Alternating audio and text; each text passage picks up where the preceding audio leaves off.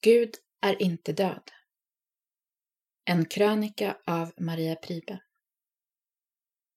Det är lördag kväll och jag sitter på tåget. Jag sitter och tittar ut genom fönstret när jag plötsligt ser det. På en lagerlokal med stor text. Ord som får mig att haja till. Ord som provocerar, gör mig ledsen och frustrerad. Gud är död. Jag hinner tänka att jag vill ta med mig min man och åka dit på natten för att rätta till påståendet. Jag vill så gärna lägga till ett litet men helt avgörande ord. Ett ord som skulle ge påståendet ett helt nytt budskap. Sedan drabbar en annan tanke mig. Jag inser att någon annan har varit provocerad, ledsen och frustrerad före mig. Någon som skrivit detta.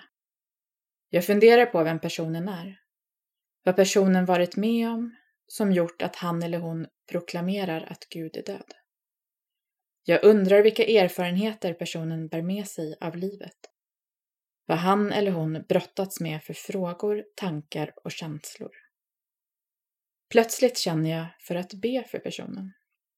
Även om jag inte vet personens livshistoria, vet Gud.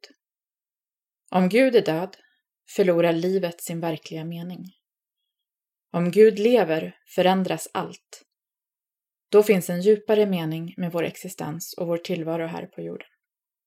Då finns det nåd och förlåtelse, helande och upprättelse. Då finns det hopp för oss bräckliga människor. Tack Gud för den underbara sanningen.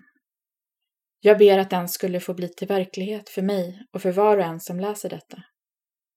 Jag ber för alla de som tror att du är en saga eller en historisk föredetting.